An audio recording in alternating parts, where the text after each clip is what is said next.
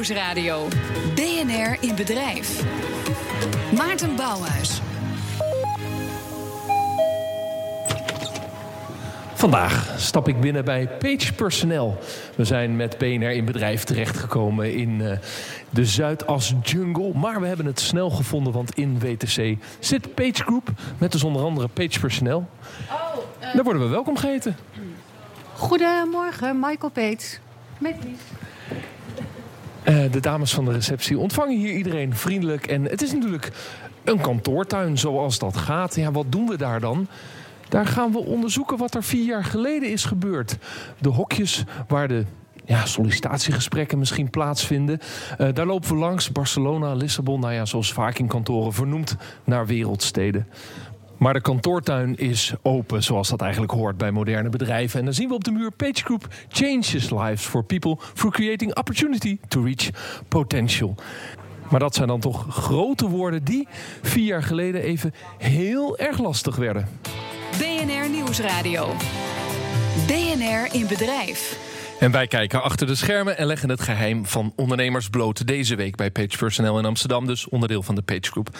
Zij benaderen dagelijks mensen voor een interessante overstap naar een ander bedrijf. Maar kregen zelf ook ineens te maken met een massaal vertrek van hun medewerkers. Centrale vraag van deze week: hoe ga je om met de leegloop van je personeel? Goedemiddag. En uh, er staat hier heel veel personeel uh, om mij heen. Dus het is leuk om hier in de kantoortuin die radio te kunnen maken. En dat doe ik met Martijn Goudswaard, directeur van Page Personeel Nederland. En Guido Hees, directeur van Effectory, specialist in medewerkersfeedback. Heren, welkom. Uh, en ik zeg ook tegen de mensen om mij heen: de interruptiemicrofoon is van jullie. Dus meld je vanzelf, praat lekker mee. Want Martijn, het is een open gesprekscultuur hier. Hè? Dus iedereen mag meedoen. Dat hebben we wel veranderd de laatste jaren. Nou, dat zullen we dan ervaren, deze uitzending. Ik ben heel benieuwd. Ja, precies. Vier jaar geleden werden jullie geconfronteerd met een plotseling vertrek van uh, uiteindelijk twee derde van het personeel. Jij was toen directeur van een vestiging. Kun je even terugkijken, wat gebeurde er toen? Ja, op het moment zelf heb je het niet direct door, maar langzaam maar zeker um, nam het toe. En um, ja, vertrok de een naar de ander. En uh, bleef ik ook de resultaten achter. Dus, dus uh, het moment dat de directiewisseling er was, wij waren op dat moment uh, onderdeel van een, uh, een Belgische directeur. Uh, hadden we toch wel een andere cultuur. En, en ehm, hij werd verzocht wat anders te gaan doen. En we kregen een nieuwe leidinggevende in de vorm van weer een Nederlander. En dat heeft ja, toch ogen, ogen doen openen. Van, van maar, maar, gingen de mensen nou weg omdat de directeur wegging? Of was, is de directeur uit België uiteindelijk weggestuurd omdat het personeel zo hard wegliep? Nou, dit is denk ik een, uh, het, het, laatste. Kijk, uiteindelijk uh, als de resultaten teruglopen en, en het personeel is ontevreden, dan, dan uh, wordt ook naar mij gekeken nu. Dus als, als dingen niet goed gaan, lange termijn, dan ben ik verantwoordelijk. Ja. En, dat was wa, wa, en was er nou een trigger? Was er nou, als je nou op terugkijkt, een moment dat, dat bepaalde, misschien wel dragers van de cultuur of key-spelers weggingen, waardoor, waardoor dan in één keer iedereen zelf een nieuwe baan aan het zoeken is? Ik denk dat, dat dat het punt was dat op een gegeven moment uh, vertrekken mensen, heb je het niet door. Is het soms gewenst. Uh, mensen gaan weg die, die je kan missen. Uh, totdat mensen weggaan op keyposities. En als dat de één is, is het oké. Okay, maar dat werd een soort golfbeweging. En, en een golf die niet meer ja, tegen te houden viel. En, en, en op dat moment ja, was het al wat van paniek intern. Van oké, okay, hoe, hoe, gaan we nu verder? Hoe gaan en we... wat was er dan aan de hand? Waarom gingen mensen weg? In eerste instantie weet je dat niet. Ik denk dat het belangrijkste, en dat is denk ik wat Guido uh, uh, als vak heeft, is, is luisteren naar mensen wat de reden is. En uh, have your say, dat is een, een, een interne ja, communicatietool om te vragen: wat drijf je nou om hier te werken? Wat zijn nou de dingen die je, die je motiveren om voor PageGroup te werken? Nou, een van de dingen die daaruit kwam was dat flexibiliteit en, en, en dat soort zaken, transparantie, niet bestonden. Dat stond heel laag in, het, in, het, in, in, in, in wat wij uitvoerden. Maar wat wel mensen wilden hebben. En we hebben het al over 2015. ja, het was, je zei 14. het, is, 14 geweest dat, dat, dat, dat dit is dat veranderd. Het begon. Ja. Uh, um, maar dat klopt. En, en je zit heel snel in een ja, oogkleppencultuur dat je denkt, wat wij doen is goed. Er was dus geen transparantie en er was geen uh, cultuur om uit te spreken wat je vindt en wat je wil. Nee, ja, dat, vonden we wel, maar dat bleek dus niet zo te zijn. Dus uh, veel vergaderingen in kamertjes, uh, uh, sollicitanten niet op de werkvloer. allemaal hele kleine dingen die op zichzelf staand en niet veel betekenen. Maar dat, dat, dat mensen een soort geheimzinnigheid achter gingen zoeken. Hmm. Eh, Ik heb aan het begin gevraagd wat er ook medewerkers voor die vier jaar hier al werkten. Als jullie daar nog eens een, laten we zeggen, een inzicht willen geven in wat dat dan, hoe dat dan voelde, dan zou ik zeggen, kom lekker naar die interruptiemicrofoon toe. Guido, schrik er eigenlijk van als dat, als, als, als dat dus blijkbaar gebeurd is binnen een bedrijf pas vier, vijf jaar geleden, dat, die, dat er geen transparantie was? Of gebeurt er toch nog wel heel veel, zo'n gesloten cultuur binnen organisaties? Ja, nou, ik schrik er niet zo van, want het gebeurt best vaak. Maar de bedrijven waar het om gaat, die schrikken enorm. Want die zien ineens eh, cultuurdragers eh, weggaan. Eh, hun beste talent vaak ook als eerste weggaan. En denken, wat is er aan de hand? En dan komen ze bij ons aan. En dan moeten er ineens eh, exit-interviews gedaan worden... of exit-onderzoek gedaan worden. En gekeken worden van hoe staan de medewerkers erin. En dan is er vaak wel echt iets aan de hand. Ja, maar heel vaak te laat. En ik vind het heel mooi dat eh Pace Personeel dat heeft hersteld. Ja, maar je hebt het, je hebt dus in eerste instantie zelf ook niet door. Nee. Martijn, leg, leg je ook uit. Hoe is er vanuit de directie toen gereageerd? In eerste instantie eh, eh, eh, ja, lichte verontrusting natuurlijk. Dus, dus een verandering van, van leidinggevende is, is best fors. Iemand vragen om wat anders te gaan doen, doe je niet elke dag. En, en een oud gediende terughalen. Dus, dus we hebben een, een, een, een verandering aan de top gehad... in de vorm van, van Joost die terugkwam. die, die ooit hier ook gewerkt heeft. Dus, dus dat maakt de dingen wel weer langzaam maar zeker duidelijker. Dus, dus de, de veranderingen die wij toen zagen leken goed... Maar hij ging stapje voor stapje terug van, joh, wat, wat hebben we nu? En dat, dat ging elk jaar met een thema. Dus met een, met een visie of een, eh, een, een jaarthema. Wat is daar dan een voorbeeld van? Nou, de, de, de, ehm, het eerste thema wat er was, eh, We Do It. Maar, dat met name van binnen naar buiten kijken. En, en eh, bleek dat wij heel veel dingen deden die, die, die extern gericht waren... maar we keken niet naar onze eigen in- interne organisatie. We waren alleen maar met klanten bezig. Eh, eh, ehm, en daar lag alle nadruk op. We vergaten een beetje ons eigen personeel. Maar het gekke is, ik ken ook bedrijven die zijn alleen maar met zichzelf bezig en veel te weinig met klanten. dat is dat- dan ook weer niet de bedoeling. het ook niet goed mee. Nee, dat is ook weer niet goed. Dus op zich ben je natuurlijk een salesgedreven organisatie. Je bent met die klant bezig, maar je vergeet de interne organisatie. Ja, ja. En, en, Nou is die directeur weggestuurd. Dat was een Vlaming, geloof ik, hè? ja. De, de- he- is dat cultuurverschil zo groot dat, dat hij op een andere manier een bedrijf leidde dan dat een Nederlander dat doet? Nou ja, ik denk dat het eh, dezelfde taal is. Dus, dus, eh, de, eh, maar we verstaan elkaar niet. Dus, dus we spreken ongeveer dezelfde eh, Nederlandse taal. Maar er zitten zoveel nuances in, eh, in, in hiërarchie. eh, waarbij hij eigenlijk zegt, ja, het is een piramide. Ik zit hier, de rest heeft het maar wat te volgen. Ja. Nederlanders trekken dat niet zo heel goed. Wij vragen heel vaak waarom, hoezo. En, en, daar moest hij aan wennen. En, dat ja, ging niet altijd even goed. Nee. Kun je het, kun je het stoppen en hoe lang duurt zo'n proces, Guido?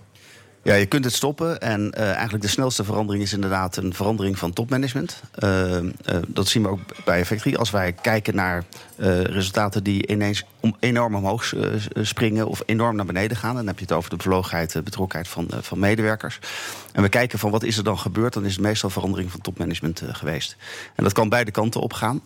Eh, en wat je dus ziet in zo'n geval, op het moment dat er een soort van bullebak van een directeur eh, komt, eh, dat eh, mensen zoiets hebben van ja, maar hier wil ik niet meer werken, die gaan weg. En dat in het begin heb je dus niet door wat er dan precies gebeurt. Maar op een bepaald moment is er een soort van exodus, omdat medewerkers die er zitten.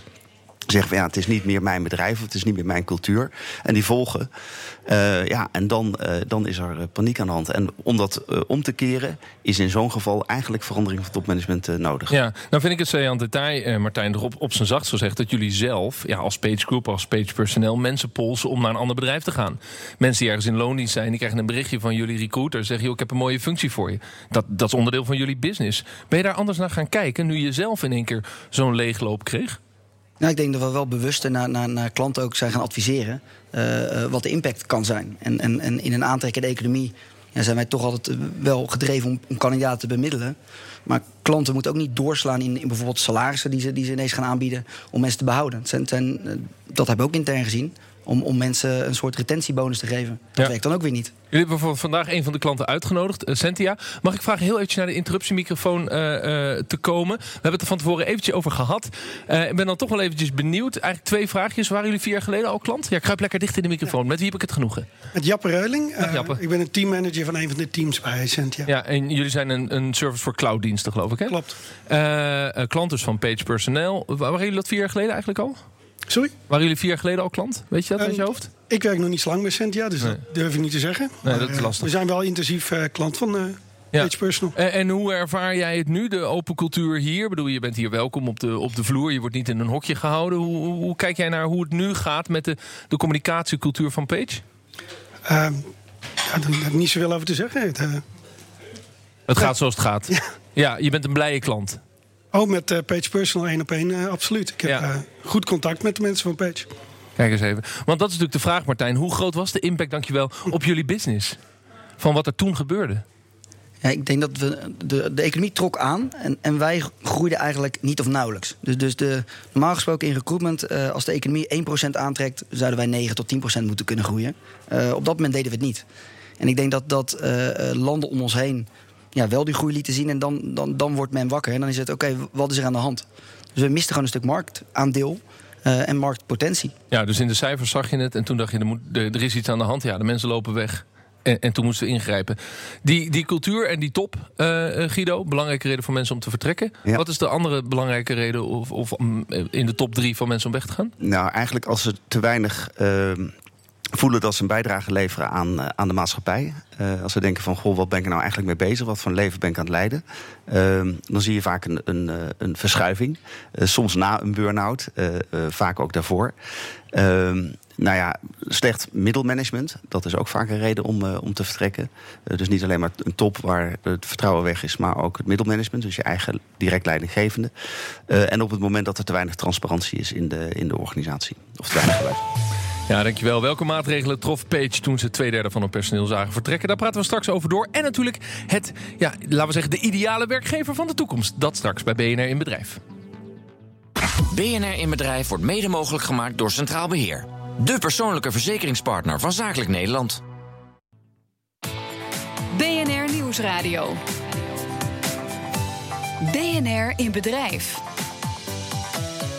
Ja, welkom terug eh, bij deze uitzending van BNR in Bedrijf. Mijn naam is Maarten Bouwhuis. We zijn bij Page Personeel in Amsterdam. Vier jaar geleden zagen ze twee derde van hun mensen in één keer vertrekken. Althans, het ging in een korte tijd. En toen hebben ze het roer omgegooid. Ik praat verder met Martijn Goudswaard, directeur van Page Personeel Nederland. En Guido Heesen, directeur van Effectory, specialist in medewerkersfeedback.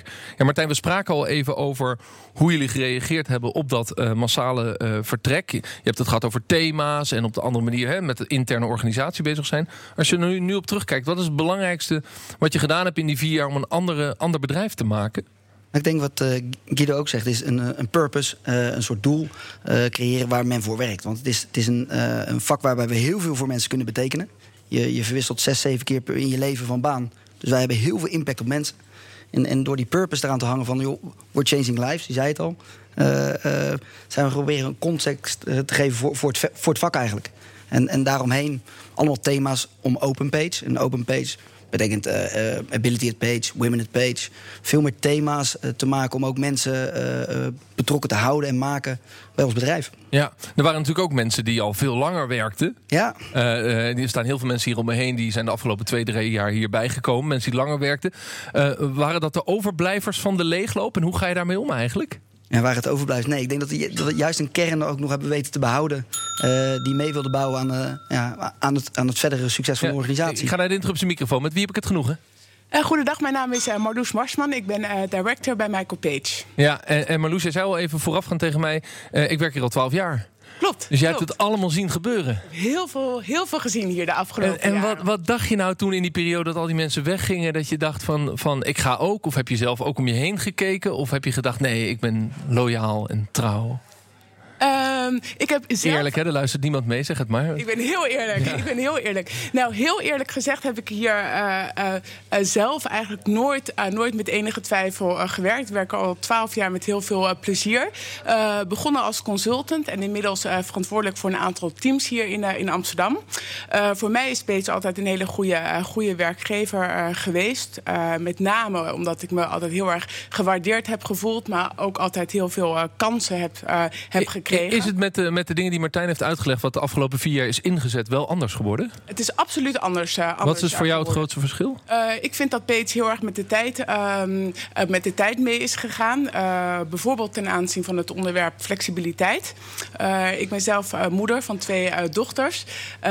In het begin eigenlijk was het allemaal nog vrij, vrij nieuw. En zijn wij, een, ja, omdat we een salesgedreven organisatie zijn... gaat alles om input, resultaat, noem maar op. Ja. Maar ik heb altijd heel veel vrijheid vrijheid. Eh, vrijheid gekregen, eh, flexibiliteit. Kwestie van geven en nemen. En, maar dat, en dat was voor, daarvoor was dat minder. Vanuit de Belgische leidinggevende cultuur was het hiërarchisch, waren het soms zelfs kloktijden. Ja, Terwijl, absoluut. nou ja, ik heb drie dochters en er is er eentje jarig vandaag. Ja, dan wil je eigenlijk naar school brengen en je wil wat extra aandacht geven. Dat, dat vraagt om flexibiliteit. Absoluut, absoluut. Eh, ik weet nog, de beginjaren eigenlijk was het echt soort van bijna niet toegestaan om een dag minder te gaan werken. Hoorde je echt om negen uur strak binnen te zijn. En niet voor zes uur het pand, eh, het pand te willen verlaten. En nu is er eigenlijk veel meer mogelijk. Ja, vind je jezelf ook productiever of effectiever?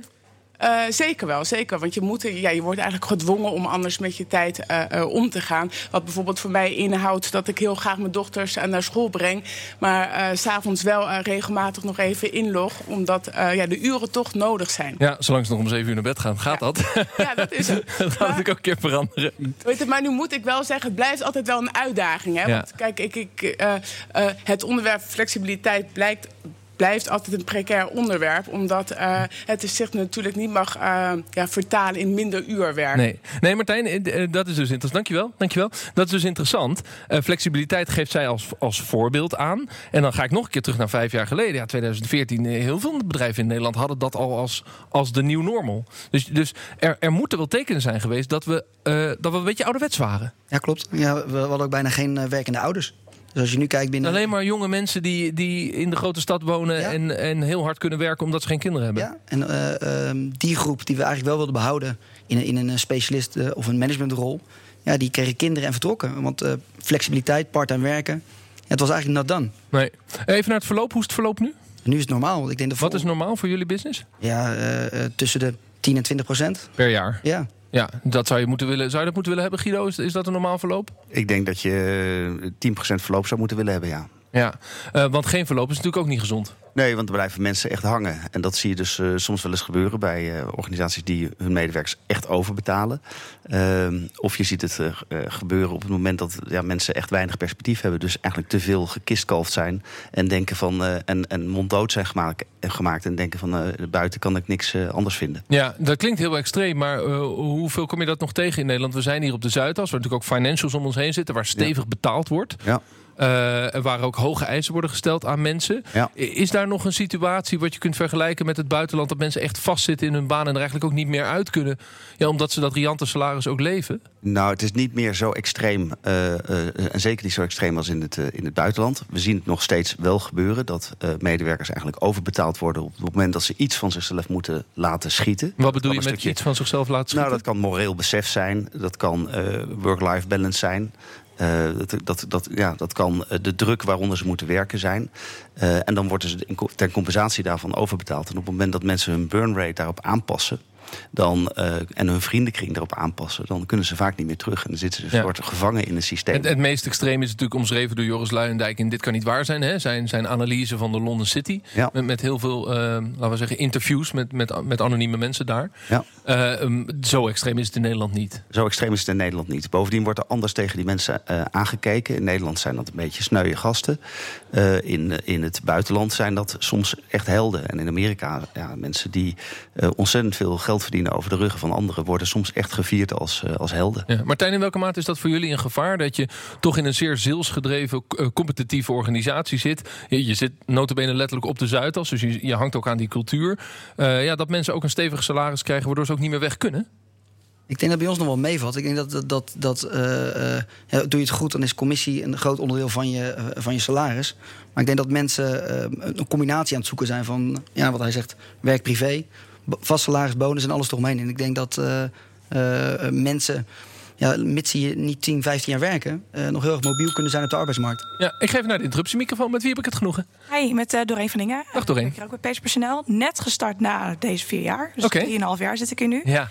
Ehm, maar toevoegend op ook wat Martijn zegt. ehm, wat voor mij de reden is waarom ik hier nog werk, eh, is eh, je hoort vaak part-time werken als je kinderen hebt. Of er moet wat zijn wat ervoor zorgt dat je part-time moet werken eigenlijk. Ehm, maar ik heb dit jaar aangegeven, ik wil gewoon part-time werken. Ik heb daar echt geen goede reden voor. Mag ik een onbeleefd vraag stellen? Hoe oud ben jij? 27. Ja, de- ik hoor dat bij meer generatiegenoten van jou. Die hebben nog geen kinderen, maar die zeggen... ik ga lekker vier dagen werken, heb ik een dag tijd voor mezelf. Ja, Want ik zie gewoon dat ik hetzelfde werk kan doen in vier dagen. Dus waarom zou ik dat dan in vijf dagen doen? En, En dan krijg je ook 80% van het salaris. Ja, maar ja, dat vind ik dan niet zo belangrijk. En wat ik zo mooi vond, is dat ik ook niet de vraag kreeg waarom. Er werd gewoon gezegd, als jij dat wil, dan mag je een mail sturen naar HR en dan wordt het geregeld. En wat doe je nu dan op die vrijdag? Uh, weet je, wandelen, uitslapen, Netflix kijken. Netflix heeft echt, echt Lunchen tijd voor jezelf. mijn moeder, die het ook heel fijn vindt dat ik één dag in de week beschikbaar ben voor haar. Dus Wauw. En er zijn, het is, we zeiden het ook, commissie is een onderdeel van jullie salaris. Het is een salesgedreven organisatie. Dan weet ik niet aan welke kant van de organisatie jij zit. Maar eh, hoe kijken de harde salesstijgers hier naar? Denk, eh, die gaat vier dagen werken, wat is dat? Nou, ik denk dat we niet zoveel meer van die harde salesstijgers hier hebben. Die op die manier kijken naar het werk. Ik denk dat er best wel veel is geïnvesteerd de afgelopen jaren om dat stigma al weg te nemen. Interessant. Ehm, ik heb ook nooit die vraag gehad. Meer mensen van, oh chill eigenlijk. Ja, Dus ik- zij doet dat ja. wel. Ik heb nooit het gevoel, een schuldgevoel gehad of oh, nou dan moet ik in die vier dagen nog wel echt eh, beter mijn best doen of iets. Nee. Nou, ik zou me heel schuldig naar mezelf voelen als ik die vijfde dag zou lanterfanten. Oh, nou dat is echt wel lekker hoor. Je zou het eens een keer moeten proberen. Eh, Guido, dit is natuurlijk ja, Ja. eh, klassieke millennial, maar we, we willen niet stigmatiseren in generaties. Maar Nee. je ziet het wel in die leeftijdsgroep, dit, deze wens. Ja, je ziet dat ze zeggen van er is meer dan alleen maar werk. eh, en er is meer dan. eh, of tenminste, ze hebben wat minder onderscheid tussen werkend leven en privéleven. eh, wat we van, van, van, van komt het oudere mensen eigenlijk kennen. Van, ik heb een werkend leven, ik heb een privéleven. Ja. En jongere generaties of jongere mensen zeggen van ik heb één leven. En daarin wil ik leuk werk doen. En daarin wil ik ook genoeg vrije tijd Ja. hebben. Ik heb nog één stapje wat ik met jullie wil zetten. Namelijk, we, leven nu in 2019. De economie zit weer op een piek. Eh, zien we eh, gekke dingen op de arbeidsmarkt gebeuren vergelijkbaar met 2007, 2008 en zelfs 2000, vlak voor de eerste internetbubbel, Martijn? Ja, je ziet weer eh, gekke salarisdingen eh, gebeuren.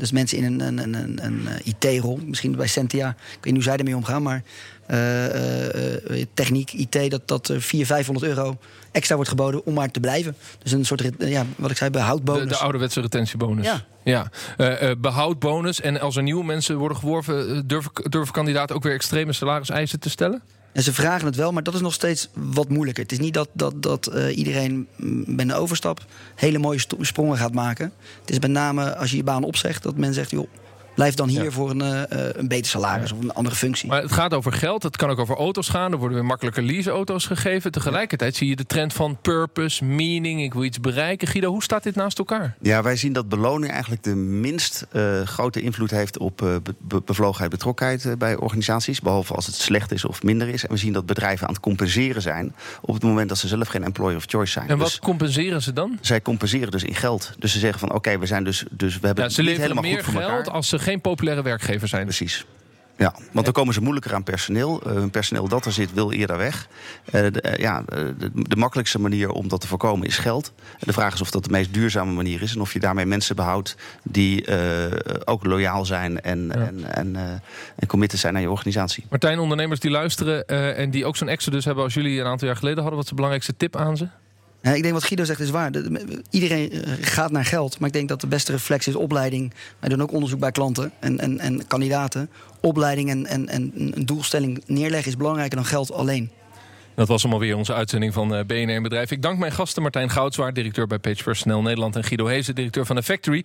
Ja, en ik heb ervan geleerd dat eh, die leegloop altijd een diepere oorzaak heeft... en dat we naar het personeel moeten blijven luisteren... in wat voor business wij ook zitten. Volgens mij een belangrijk advies uit deze uitzending. De volgende aflevering van BNR Bedrijf staan we bij eh, de reis- en betaal-app Transer in Amersfoort. Ze worden ook wel de Uber van het OV genoemd. Ondernemen op onontgonnen terrein. Hoe pak je dat nou op de juiste manier aan? Kom langs, praat mee, meld je aan via bnr.nl slash inbedrijf. Bedankt voor het luisteren, tot de volgende keer.